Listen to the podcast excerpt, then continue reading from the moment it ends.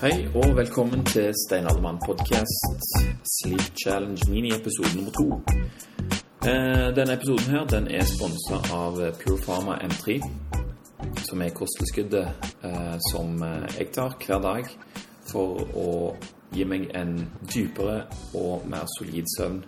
I tillegg så er det ganske kjekt at uh, ved å ta dette til kosttilskuddet, så merker jeg at jeg får mye mer livlige drømmer. Det er en av bieffektene på en måte av dette produktet. Men jeg syns det er kult at du kan ta et kosttilskudd og faktisk merke at du, at du kjenner noen forskjell.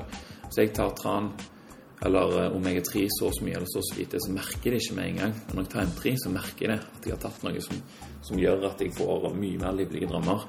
Og det syns jeg er kult. I tillegg så Eh, er det lagd på en måte som gjør at eh, hvis du tar dette kosttilskuddet her en times tid før du legger deg på halvtom mage, så kommer du raskere inn i en dypere søvn.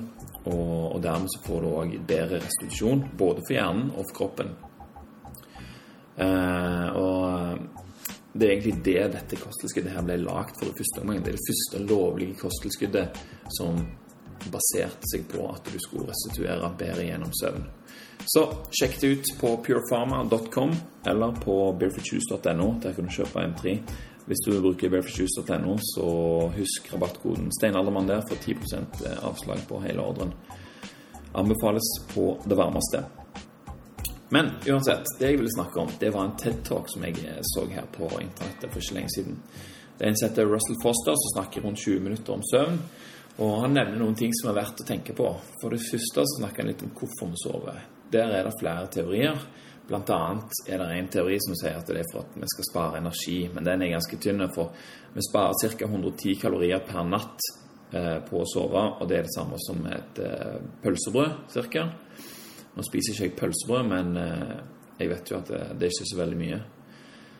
Men restitusjon ser ut til å ha ganske overbevisende argumenter. Mange gener er faktisk aktivert kun når vi sover, og de genene er ofte assosiert med restitusjon eh, i kroppen, muskler, metaboliske baner og sånne ting.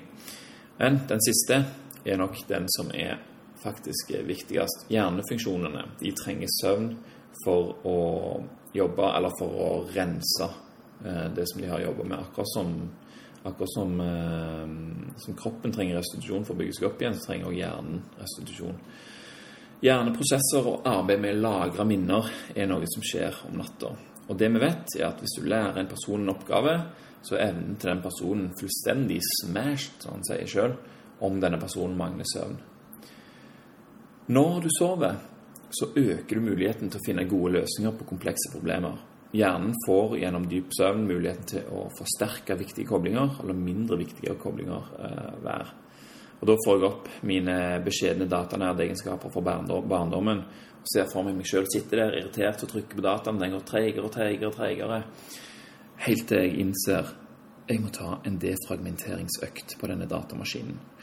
Og det, for de som ikke vet hva defrag er for noe, så er det rett og slett bare å eh, Sånn jeg har forstått det iallfall at eh, datamaskinen tar alt det som er lagra inn på dataen, sorterer det og plasserer det i, eh, i rekkefølge, holdt jeg på å si, sånn at det ikke er spredt rundt overalt. Eh, og det gjør at du har tatt vekk slagg, som gjør at eh, prosessene i utgangspunktet gikk tregere, og du har eh, frigjort en del minner til dataen, sånn at du kan jobbe raskere med det du skal jobbe med. Og sånn er det òg eh, når du har sovet, at du lagre de tingene som er viktige, og du setter vekk de tingene som er mindre viktige, for å få en mer effektiv prosess eh, i hodet. Og det som skjer når du har sovet, det er at eh, konsentrasjonsevnen den øker. Det er én ting, men kreativiteten øker òg, noe som gjør at du kan bruke det konsentrasjonsevnen til å jobbe med dine kreative ideer uten at den moderne såkalte ADD-effekten slår inn. Ehm, du får en eh, synergisk trippelfordel av å sove godt. Kreativitet, evne til å lære, og ikke minst holde fokus på det du holder på med. Og Dette er solide funksjoner som blir redusert med en gang med mangler søvn. Hjernefunksjonen svekkes. Sover man dårlig, så blir du dårlig til å lære. Og hvis du mangler søvn over tid, så blir du faktisk vant med å forholde deg, selv, å forholde deg til deg sjøl som trøtt. For de som hørte på forrige miniepisode, så snakker jeg om et forsøk der folk ble låst inn i en bunker som endte opp med å sove veldig godt. og i korte trekk, dere må høre episoden.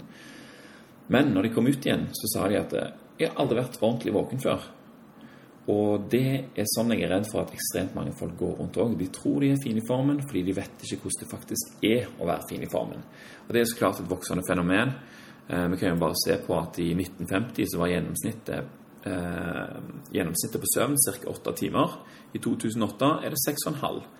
Og hvis gjennomsnittet er 6,5, så betyr det selvfølgelig at mange får bare fem timer per natt. Og mange av disse er dessverre ungdommer.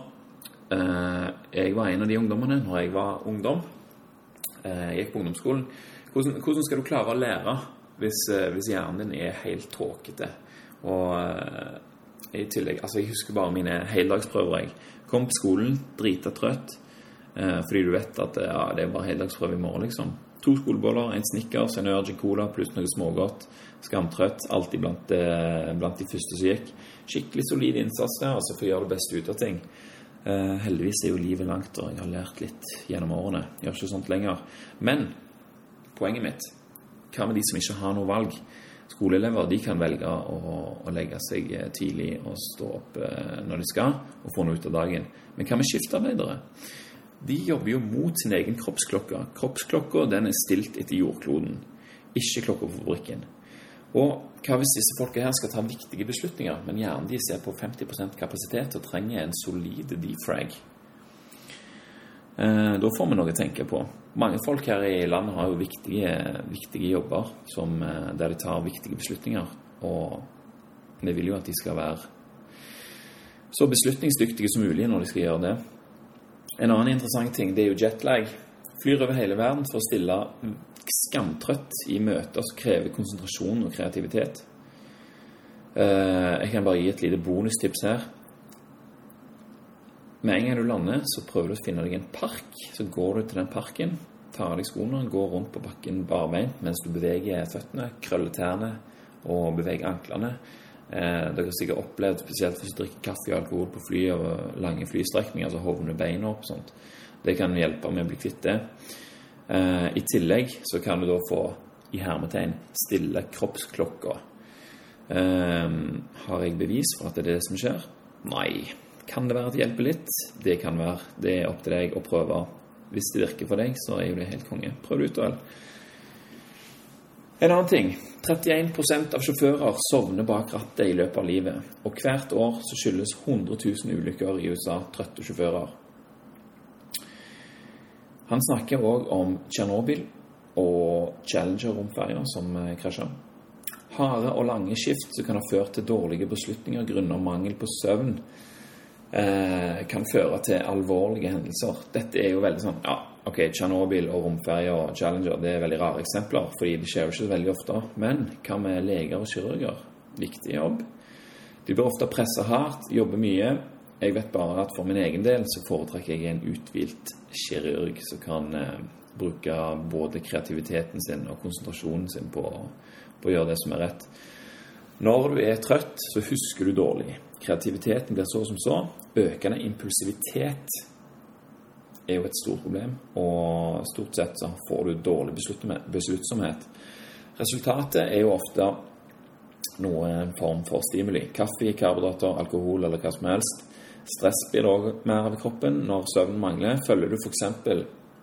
Eh, følger er f.eks. dårlig immunforsvar.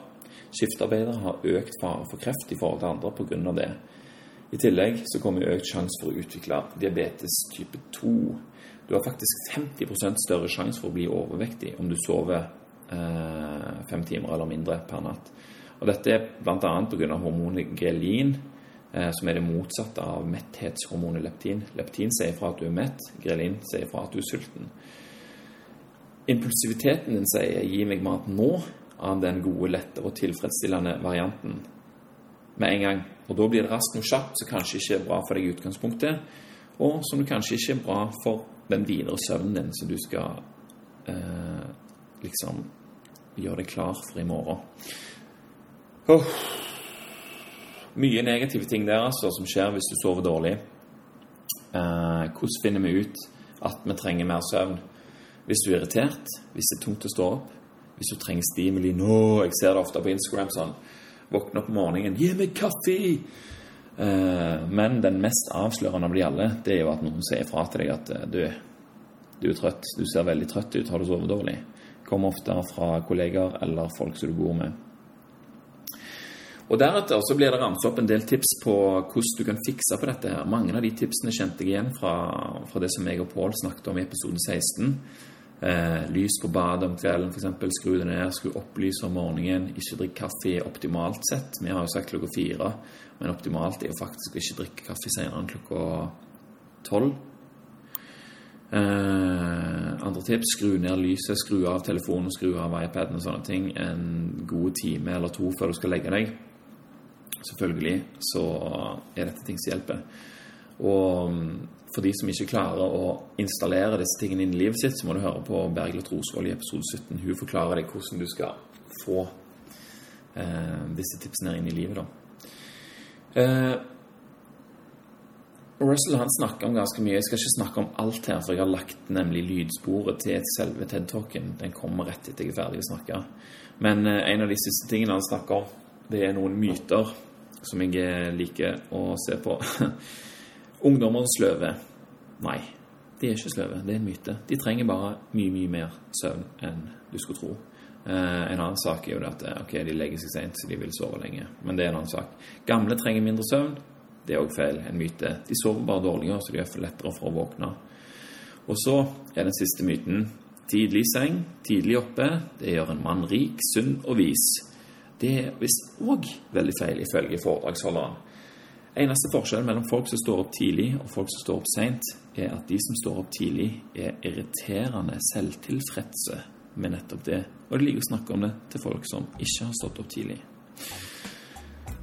Noen flere punkter er også nevnt i talken. Jeg skal som sagt ikke snakke om alt. Hør på lydsporet av denne talken rett etterpå her. Um, og det tar ca. 20 minutter. Så hør på den, ta vare på de tipsene. Og så ønsker jeg alle sammen selvfølgelig videre lykke til med Sleep Challenge. Legg gjerne, gjerne en kommentar på hvordan det går med din Sleep Challenge. Takk for nå.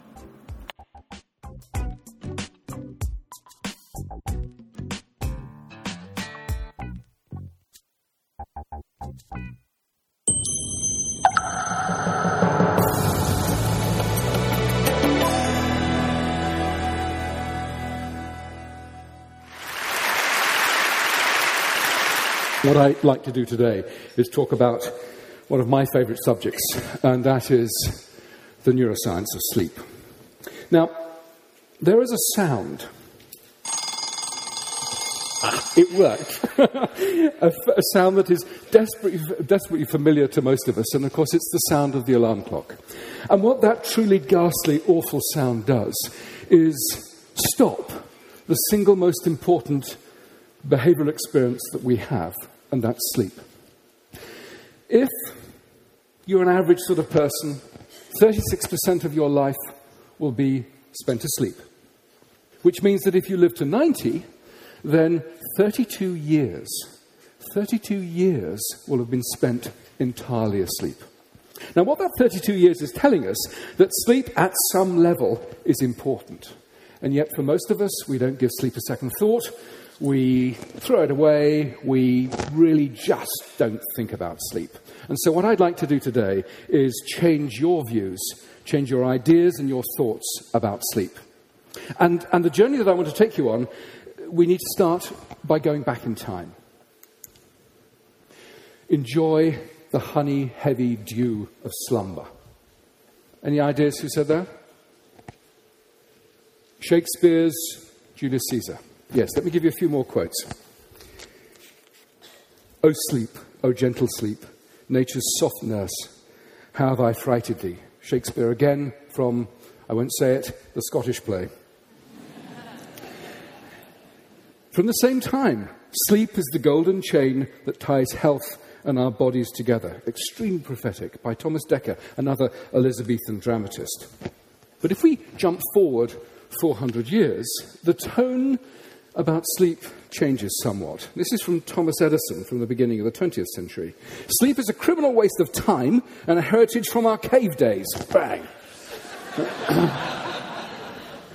And if we also jump into the 1980s, some of you may remember that Margaret Thatcher was reported to have said, sleep is for wimps. Um, and of course, the infamous, what was his name? The infamous Gordon Gekko from Wall Street said, money never sleeps. What do we do in the 20th century about sleep? Well, of course, we used Thomas Edison's light bulb to invade the night and we occupied the dark. And, and, it, and, in the process of this occupation, we've treated sleep as an illness almost. We've, we've treated it as an enemy, an enemy. Um, at most now, I suppose, we think of, we tolerate the need for sleep. And at worst, perhaps many of us think of sleep as an illness that needs some sort of a cure. And our ignorance about sleep is really quite profound. Why is it? Why do we abandon sleep in our thoughts? Well, it's because you don't do anything much while you're asleep, it seems. You don't eat, you don't drink, and you don't have sex. Well, most of us anyway. Um, and, and, so, therefore, it's. Sorry. It, it, it's a complete waste of time, right? Wrong. Actually, sleep is an incredibly important part of our biology, and neuroscientists are beginning to explain why it's so very important. So let's move to the brain. Now, here we have a brain. This is donated by a social scientist, um, and they said they didn't know what it was or indeed how to use it. So, uh, so, I, so I, I, I, borrowed it. Uh, I don't think they noticed. Okay. Uh, the point I'm trying to make is that when you're asleep, this thing doesn't shut down. In fact, some areas of the brain are actually more active during the sleep state than during the wake state. The other thing that's really important about sleep is that it doesn't arise from a single structure within the brain, but is to some extent a network property. And if we flip the brain on its back, I love this little bit of spinal cord here. Um, this bit here is the hypothalamus. And right under there is a, a, whole raft of interesting structures, not least the biological clock. The biological clock tells us when it's good to be up, when it's good to be asleep. And what that structure does is interact with a whole raft of other uh, areas within the hypothalamus, the lateral hypothalamus, the ventrolateral preoptic nuclei. All of those combine, and they send projections down to the brainstem here. The brainstem then projects forward and bathes the cortex, this wonderfully wrinkly bit over here with neurotransmitters that keep us awake and essentially provide us with our consciousness. So, sleep arises from a whole raft of different interactions within the brain. And essentially, sleep is turned on and off as a result of a range of interactions in here. Okay, so where have we got to? We've said that sleep is complicated and it takes 32 years of our, of our life.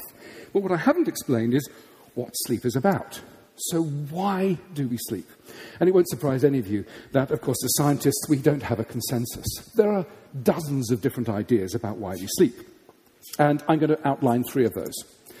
The first is sort of the restoration idea, and it's somewhat intuitive. Essentially, all the stuff we've burnt up during the day, we restore, we replace, we rebuild during the night. And indeed, as an explanation, it goes back to Aristotle. So that's what, 2,300 years ago.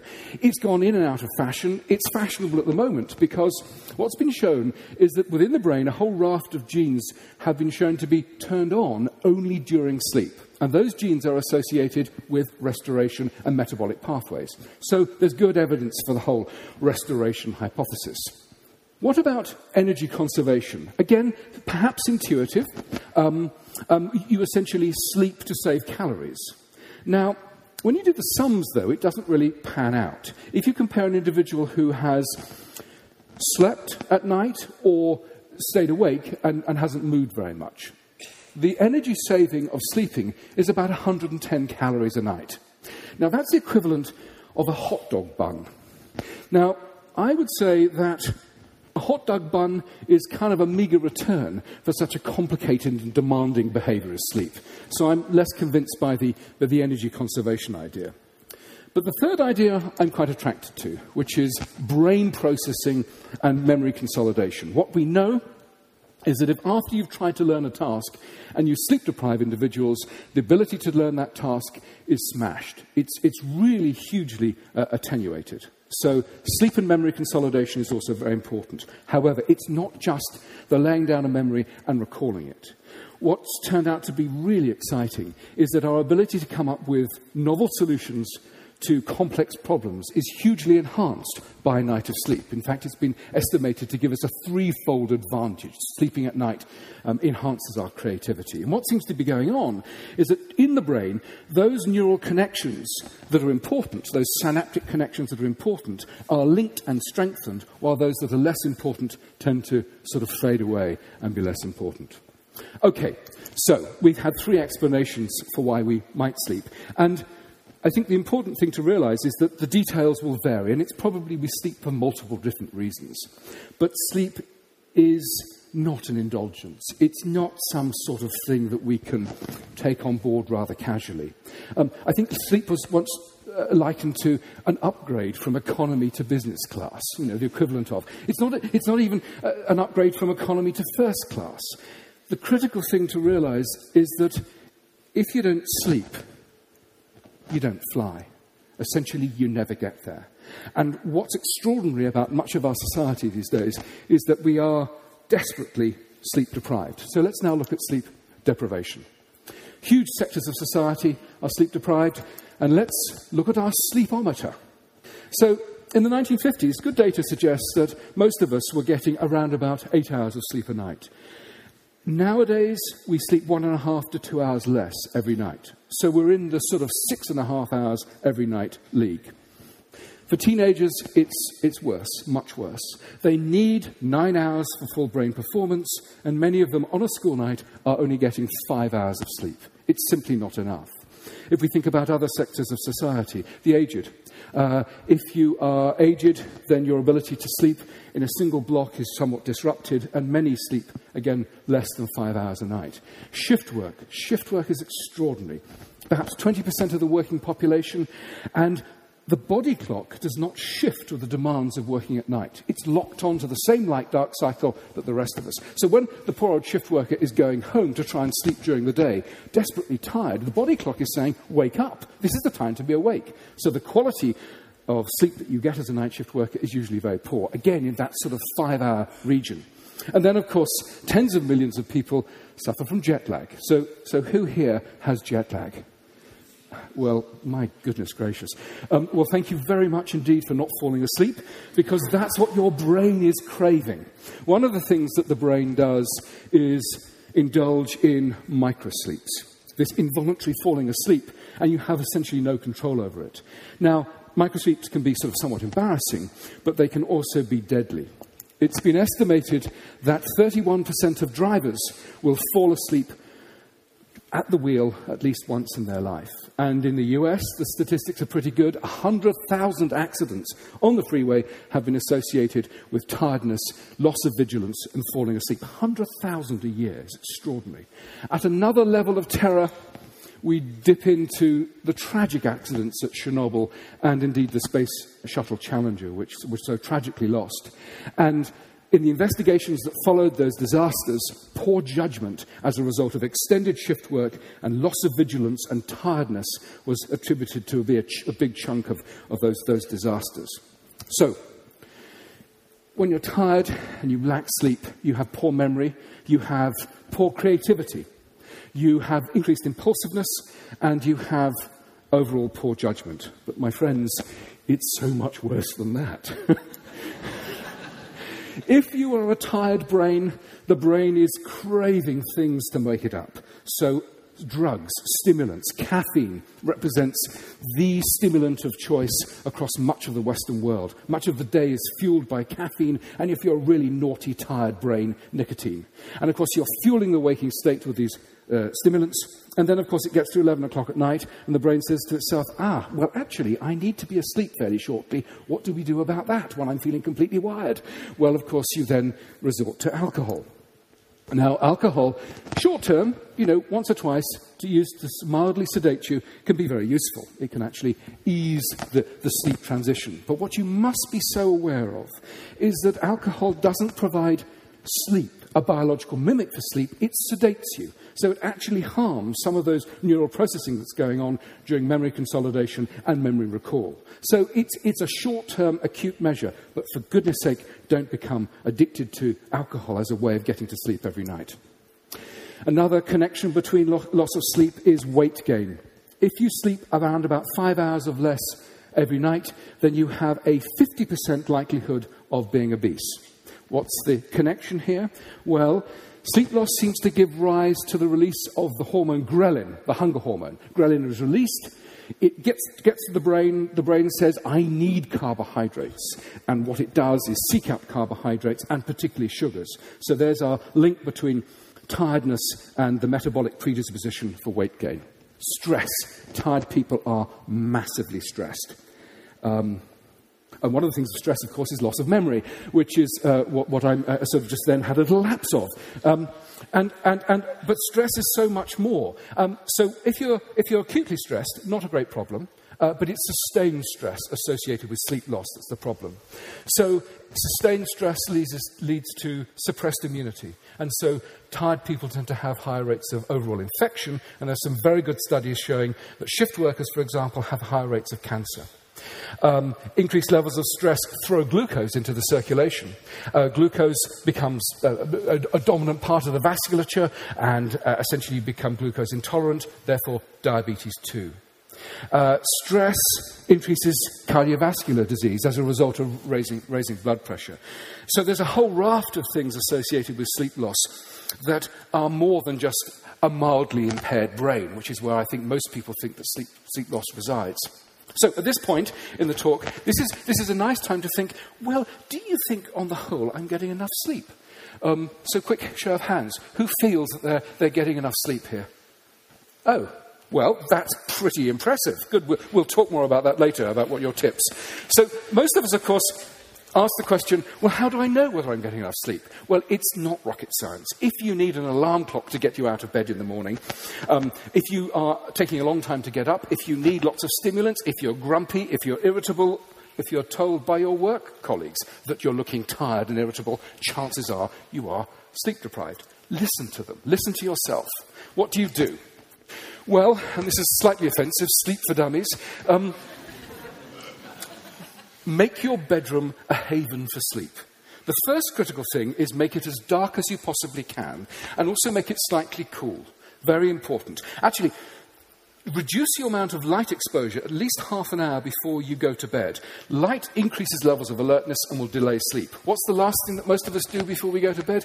We stand in a massively lit bathroom um, with looking into the mirror, cleaning our teeth. It's the worst thing we could possibly do to, to, to, before we went to sleep. Turn off those mobile phones, turn off those computers, turn off all of those things that are also going to excite the brain. Try not to drink caffeine too late in the day. Um, ideally, not after lunch. Now, we said about reducing light exposure before you go to bed, but light exposure in the morning is very good at setting the biological clock to the light dark cycle. So seek out morning light. Basically, listen to yourself. Wind down. Do those sorts of things that you know are going to ease you off into the, into the honey heavy dew of slumber. Okay, that's some facts. What about some myths? Teenagers are lazy. No, Poor things. They have a biological predisposition to go to bed late and get up late, so give them a break. We need eight hours of sleep a night. That's an average. Some people need more, some people need less. And what you need to do is listen to your body. Do you need that much or do you need more? That's simple as that. Old people need less sleep. Not true. The sleep demands of the aged do not go down. Essentially, sleep fragments and becomes less robust, but sleep requirements do not go down. And the fourth myth is early to bed, early to rise makes a man healthy, wealthy, and wise. Well, that's wrong at so many different levels. there is no, no evidence that getting up early and going to bed early gives you more wealth at all. There's no difference in socioeconomic status. In my experience, the only difference between morning people and evening people is that those people that get up in the morning early are just horribly smug. Um, okay. So, for the last part, the last few minutes, what I want to do is change gears and talk about some really new and breaking areas of neuroscience, which is the association between mental health, mental illness, and sleep disruption. We've known for 130 years that in severe mental illness, there is always, always sleep disruption. But it's been largely ignored. In the 1970s, when people started to think about this again, they said, yes, well, of course you have sleep disruption in schizophrenia because there are antipsychotics. It's the antipsychotics causing the sleep problems, ignoring the fact that for 100 years previously, um, sleep disruption had been reported before antipsychotics. So, what's going on? Lots of groups, several groups, are studying conditions like depression, schizophrenia, and bipolar, and what's going on in terms of sleep disruption. We have a big study which we published last year on schizophrenia, and the data w- were quite extraordinary. In those individuals with schizophrenia, much of the time they were awake during the night phase, and then they were asleep during the day. Other groups showed no 24 hour patterns whatsoever. Their sleep was absolutely smashed, and some had no ability to regulate their sleep by the light dark cycle. They were getting up later and later and later and later each night. It was smashed. So, what's going on? And the really exciting news is that mental illness and sleep are not simply associated, but they are physically linked within the brain. The neural networks that predispose you to normal sleep give you normal sleep, and those that give you normal mental health are overlapping. And what's the evidence for that? Well, Genes that have been shown to be very important in the generation of normal sleep, when mutated, when changed, also predispose individuals to mental health problems. And last year, we published a study which showed that a gene that's been linked to schizophrenia, which when mutated also smashes the sleep. So we have evidence of a genuine mechanistic overlap between these two important systems. Other work flowed from these studies. The first was that sleep disruption actually precedes certain types of mental illness. And we've shown that in those young individuals who are at high risk of developing bipolar disorder, they already have a sleep abnormality prior to any clinical diagnosis of, of bipolar. The other bit of data was that sleep, consol- sleep disruption may actually exacerbate, make worse the the mental illness state. My colleague Dan Freeman has used a range of agents which have stabilized sleep and reduced levels of paranoia in those individuals by 50%. So, what have we got?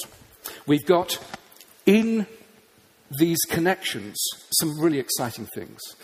In terms of the neuroscience, by understanding the neuroscience of these two systems, we're really beginning to understand how both sleep and mental illness are generated and regulated within the brain. The second area is that if we can use sleep and sleep disruption as an early warning signal, then we have the chance of going in. If we know that these individuals are vulnerable, early intervention then becomes possible. And the third, which I think is the most exciting, is that we can think of the sleep centers within the brain as a new therapeutic target. Stabilize sleep in those individuals who are vulnerable. We can certainly make them healthier, but also alleviate some of the appalling symptoms of mental illness. So let me just finish. What I started by saying is take sleep seriously.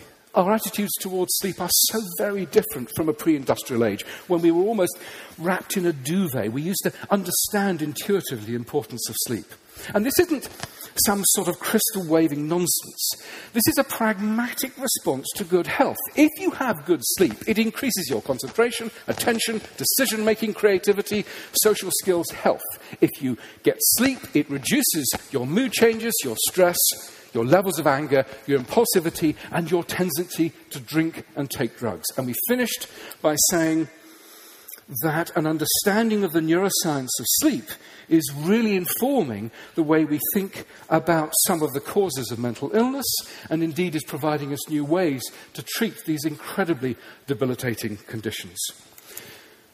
Jim Butcher, the fantasy writer, said, Sleep is God, go worship. And I can only recommend that you do the same. Thank you for your attention.